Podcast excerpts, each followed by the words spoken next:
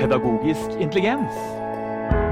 En podkast om kunstig intelligens i skole og undervisning.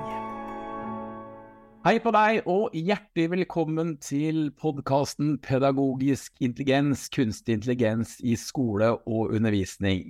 Jeg heter Magnus Nord, og i dag har jeg det store privilegium å fått med meg professor Njål Follnes fra Lesesenteret på Universitetet i Stavanger. Velkommen, Njål. Tusen takk. Jeg har jo kjent deg en stund. Eh, for de som ikke kjenner deg, fortell hvem du er. Ja, jeg er jo en realist i bunnen. Jeg har eh, doktorgraden i matte og jobber nå som professor i statistikk. Eh, jeg har undervist mange år på BI. Eh, begynnerstudenter i matematikk og statistikk. Og um, nå, akkurat nå de siste to årene har jeg jobba på lesesenteret med store data fra lesestudier. Jeg møtte deg første gang for omtrent ti år siden når jeg skrev min masteroppgave om hvordan opplever studentenes lærernes egenproduserte video som læringsressurs, og da husker jeg at jeg samlet inn data fra en av klassene dine på BI. Ja. Og i en av ukene mine så har jeg en modul om uh, Flip Classroom, og du er jo på en måte en legende og pioner innenfor Flip Classroom i Norge. Jeg tror du var den første i Norge som publiserte en akademisk artikkel om undervisningsmetoden Flip Classroom, som jeg siterte til veldig veldig mange ganger i forhold til Se, det virker. Ja, det stemmer. Ja, det er en empirisk studie om at det funka veldig bra når jeg prøvde å gjøre det på BI-er i sin tid. Mm. Eh, i dag skal vi snakke om hvordan vi kan kanskje oppdage dysleksi tidlig med å bruke algoritmer, eh, altså det mange refererer til som kunstig intelligens. Jeg skal fortelle litt om et forsøk som jeg har hatt tidligere i år. Eh, tidlig i februar-mars så samlet jeg en gruppe forskere, og vi lukta på og kom i diskusjon med dette lesetreningsverktøyet som heter Lexplore. Eh, de har en spennende verktøy som de på en måte trener opp eh, og gjør opptak av barns lesing og lager statistikker ut fra det.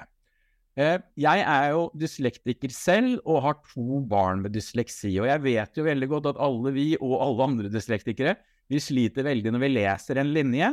Noe av grunnen til at det går så sakte når vi leser, er at vi bommer på neste linje. Vi titter var det én opp, var det én ned, og så bruker vi litt tid på å identifisere hva som er den neste linja, og så leser vi videre. Og jeg hadde en kongstanke om at uh, hvis vi hadde noen gode algoritmer, så, og vi hadde en god del barn som hadde lest inn uh, tekster, som hadde dysleksi, så ville dette bli et mønster. Denne flakkebevegelsen uh, som vi, ele eleven gjorde, som vi da kunne igjen prøve på nye elevgrupper for å oppdage dysleksi tidlig. Dessverre så gikk ikke det prosjektet sånn som jeg hadde ønska. Altså, verktøyet var ikke laga på den måten foreløpig at, at, vi kunne oppdage det. Og da var jeg veldig skuffa. Eh, og så kom jeg på Nkul-festivalen i Trondheim. Og, og da synes jeg jo Njord, at det innlegget du holdt, det i og for seg det forskninga di vi skal snakke om i denne episoden, det var, det, var den beste eh, jeg var på, i hvert fall. For da har du nesten klart det jeg ønsket å, å, få til, og det er det vi skal snakke om i dag. Eh, det er jo et problem i år at mange ikke blir utreda tidlig nok i forhold til lese- og skrivevansker. Jeg tror jeg eh, og barna mine ble utredet som typ i fjerde klasse. Eh, Fjerde-femte eh, klasse. Eh, og jeg var jo utdanna lærer på dette tidspunktet, visste at det var arvelig, og poengterte at det her er det stor sannsynlighet for dette her. Kan dere ikke få noe fortgang? Men likevel så spinte maskineriet så sakte. Eh, lærere sier ja, vi må vente og se, det er kanskje bare se en leseutvikling det er snakk om, osv. Og, så og så gikk tiden, og så gikk åra. Og jeg har jo liksom tanke at eh, det er blitt veldig vanskelig med det handikappet å ta igjen det forspranget som de andre elevene får fordi man ikke setter inn tiltak tidlig nok. Mm. Jeg vet at du har titta på noe forskning. Finnene er flinkere enn oss, er det ikke det, til å, å, å oppdage tidlig lese- og skrivevansker? Ja, de har eh, jeg, kan ikke, jeg, er, jeg, må jo bare si først at jeg er jo jeg, jeg er interessert mest i dataanalyse og store data og sånn, sånn at jeg, jeg uttaler meg om lesing eh, på sånn generelt grunnlag. Jeg er ikke utdanna leseforsker.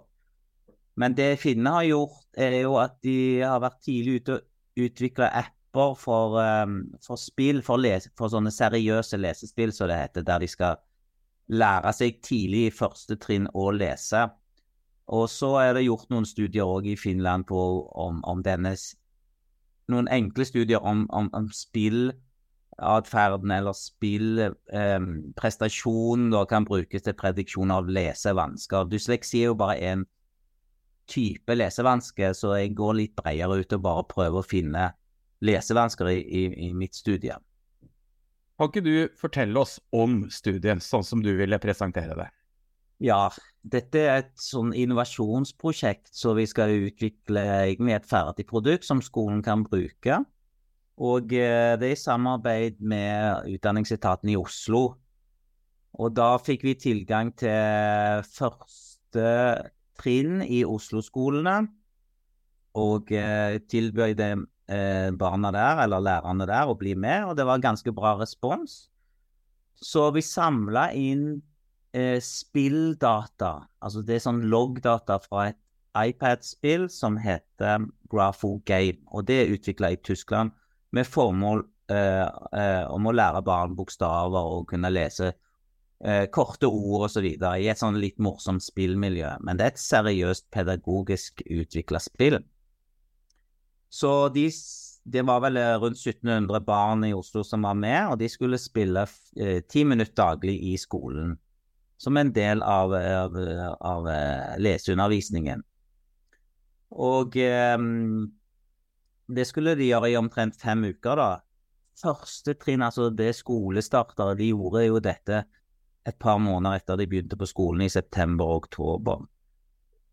Så tanken eh, med dette var at de lærer jo bra eh, av å spille, men jeg ville bruke veldig sånn detaljerte spilldata, big data, til å se og kalibrere det mot hvordan de gjorde det på kartleggingsprøvene litt seinere, i første trinn, i slutten av første trinn og i begynnelsen av tredje trinn. For å se om spilldataene fanger opp egentlig eh, ferdigheter eller mangel på ferdigheter som, som, kan brukes til å predikere, til å forutse hvem av disse barna egentlig kommer til å gjøre det dårlig i tredje trinn på kartleggingsprøven. Så det er bare en tanke om at disse dataene handler om lesing og visse ting omkring lesing. Eh, lyder og fonologi og sånne ting. Og så er det andre ting i spillet òg som eh, jeg tenkte kunne være kanskje litt interessant. Eh, hvor mye de går ut og spiller hvor, eh, til frisøren eller gjør andre ting med gullpengene. Ikke sant? Alt dette sammen i en sånn big data-tankegang inneholder små spor som kanskje kan identifisere barn med lesevansker allerede egentlig før de kan lese i altså nå, første semester på skolen. Hvis jeg skjønner riktig, så er Graphogame er et relativt populært eh, dataspill. Altså, vi lekte læring. Elevene leker med bokstaver. Eh, så vidt jeg skjønte, så prøver de å uttale det. De, de bygger sin egen avatar. Eh, og de, de de tror vel kanskje at de spiller dataspill, men det er da skjult læring i, i denne programvaren. Mm. Eh, er dette, har du noen oppfatning av hvor utbredt dette spillet er eh, i skolen? Oh, det burde jeg kanskje visst, men eh, jeg vet at det er utbredt. Det er jo basert på, på iPad og kan spilles på iPhone, så de skolene som har det, bruker det i en stor grad. Og det er jo det, det finnes jo i over 30 land, og det har vært på markedet i ti år nå, sånn at det, det har ganske stor utbredelse i, i Norge òg. Ja. ja. Så når, når, du begynte å kna disse dataene med algoritmene dine, klarer du å forklare til mannen i gata hvordan du jobber? Altså, jeg, jeg, vet jo at det er vanskelig å forklare hvordan man programmerer algoritmer, men klarer du å forklare det litt uh, til oss mennesker som er bare er lærere? Ja, fordi det er jo, det er jo mys altså, mystisk. Det er jo vanskelig for meg òg. Altså, jeg benytter jo programvare for å designe maskinlæringsalgoritmer som tar hånd om alt det vanskelige, alle de små detaljene i kalibreringen av algoritmene. Men opplegget er jo du samler inn data. Alt du gjør i spillet fra sekund til sekund, egentlig. Eh, så da måtte vi utvikle loggføringen i spillet litt. Så legges alt det på en server. Eh, så må jeg kna det en god del. Hvilke ting i spillet er det som skal være med som input til algoritmen?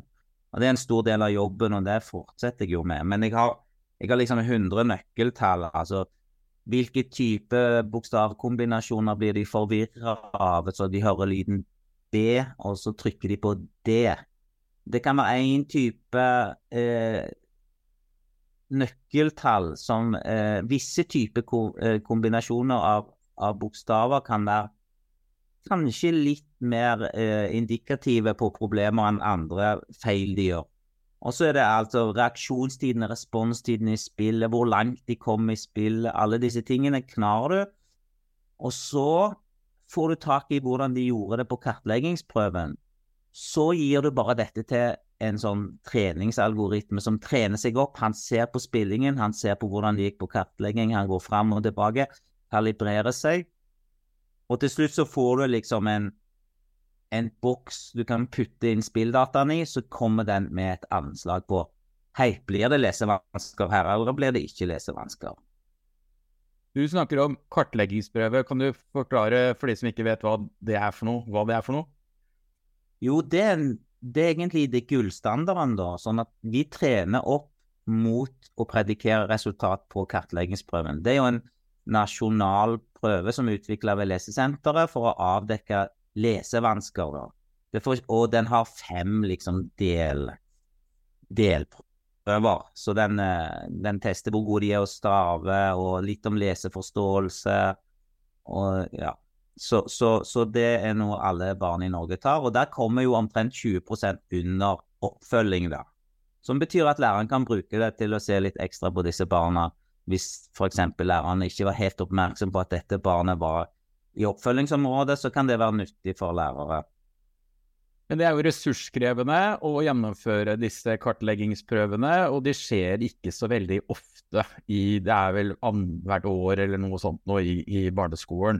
Mm. Så noe av det verktøyet som du er på vei til å utvikle nå, er jo på en måte et digitalt kartleggingsverktøy som vi får kartlagt alle tidlig og over tid. Eh. Dette, denne kartleggingsprøven er jo et øyeblikksbilde der og da, mens du samler inn data over tid.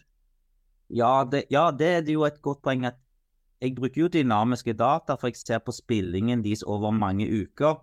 Dette per nå skjer jo bare i første trinn i løpet av de første månedene. Hvis vi skal gjøre dette med andre apper og på andre trinn, så må vi igjen samle inn data for det, og vite hvem som kommer til å få problemer og ikke problemer, og så trene opp på ny med de. Men det, det er riktig at jeg bruker jo dynamiske data sånn fra dag til dag.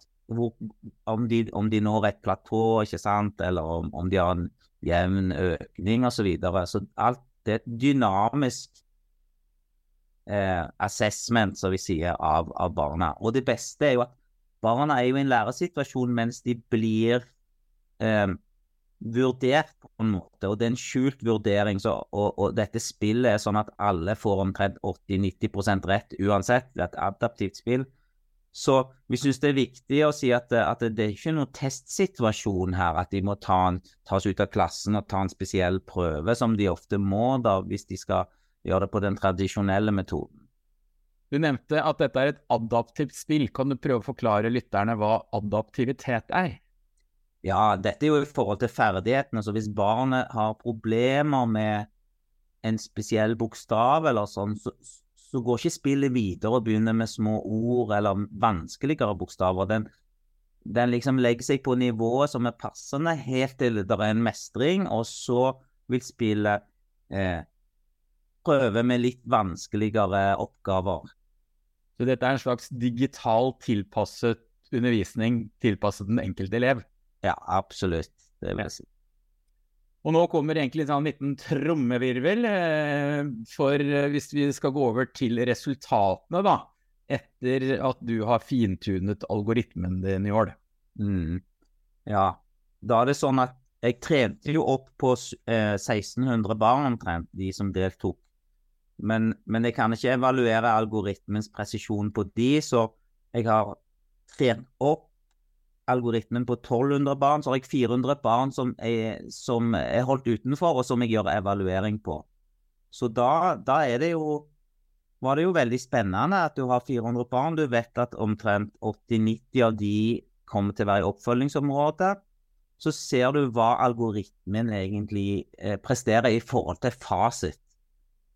Og da, da, Tradisjonelle metoder som jeg nevnte, der de må gjøre noen tester eh, og tas ut av klassen, Eh, de har ikke noe veldig god treffsikkerhet. Det er jo litt av det motivasjonen for at vi gjør dette. På første trinn så er det lav Det er vanskelig å predikere lesevansker eh, med dagens verktøy, så de treffer i beste fall De fanger opp i beste fall halvparten av de barna som trenger hjelp. Eh, og eh, med min, min, min, metode og denne her maskinlærings big data approach, så får vi så klarer vi 75 eh, så vi av fire barn med lesevansker, så vil to av de bare bli oppdaga med tradisjonelle metoder, mens jeg får tak i en tredje av de da. Mens det er likevel én av fire per nå som jeg ikke klarer å fange opp, som burde eh, blitt fanget opp. Men tre av fire, altså, så det, det er dagens Og det, dette blir jo bare bedre og bedre når vi får, får jobbe videre. Og Veien videre nå er jo at du skal tilegne deg enda mer data, så vidt jeg har skjønt. Ja, eh, det å, tilegne, å få tak i disse datasettene er jo et stort arbeid som man må takke Oslo og Utdanningsetaten der for å, å gjøre. Eh, så vi har, eh, vi har jo tanker om å jobbe videre med det, men, men, veien videre akkurat nå er at jeg skal heller bruke de samme 1600-1700 barna og se hvordan det gikk på tredje trinn. Til høsten er det en ny kartleggingsprøve, og da kommer disse barna i tredje trinn. Og da vil jeg igjen trene opp og se om jeg kunne, predikere lesevansker i tredje trinn, basert på spilling allerede de første månedene av skolen. Så, så eh, da får du et mer stabilt bilde av hvem er det som har stabilt vann. Hvis du har oppfølgingsbehov i tredje trinn, så er det nok mer stabilt og mer troverdig at du har kommet til å få lesevansker. Så så ja, vi kjører en ny runde til høsten. Og da skal Oslo, eh, en sånn pilotgruppe på ti skoler, vurdere dette verktøyet. For det, denne prediksjonsalgoritmen blir innlemma i Grafogame i en sånn testversjon.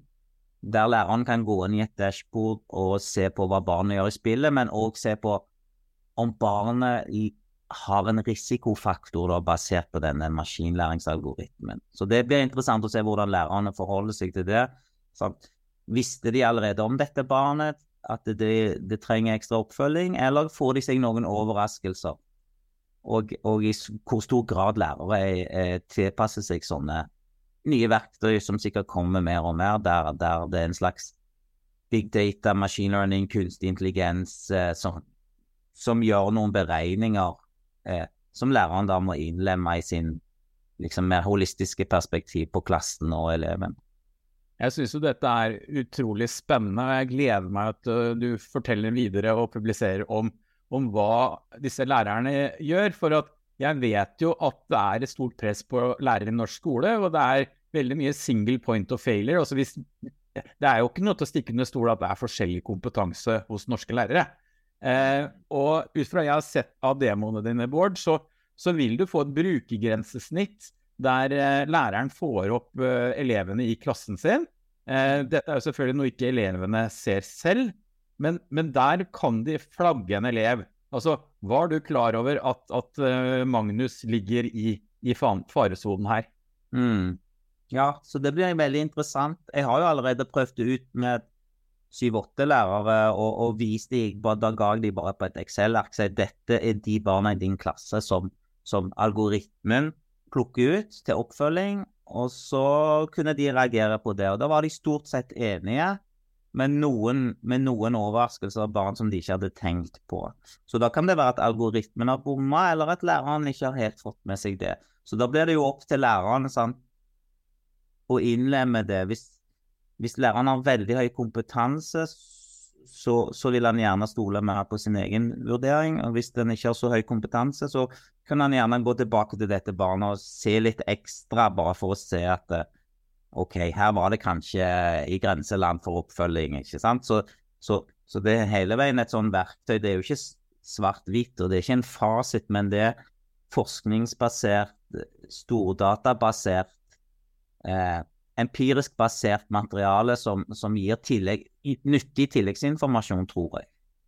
Eh, på de dataene dine som du har gjennomført på de 400 elevene da, som, som, ikke, som ikke algoritmen var trent opp på, så, så var det 86 eh, som ble funnet av den tradisjonelle kartleggingstesten.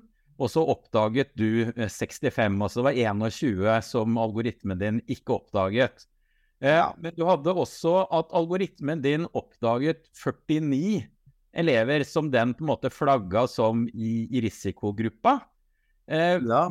Kunstig intelligens lærer jo veldig fort år. Det kan jo godt hende at, at din test eh, er bedre eh, enn kartleggingsprøven, som er da det de kaller gullstandarden. Ja, det er det som er at den gullstandarden vi trener mot, burde jo vært helt perfekt, korrekt eh, vurdering av lesevansker.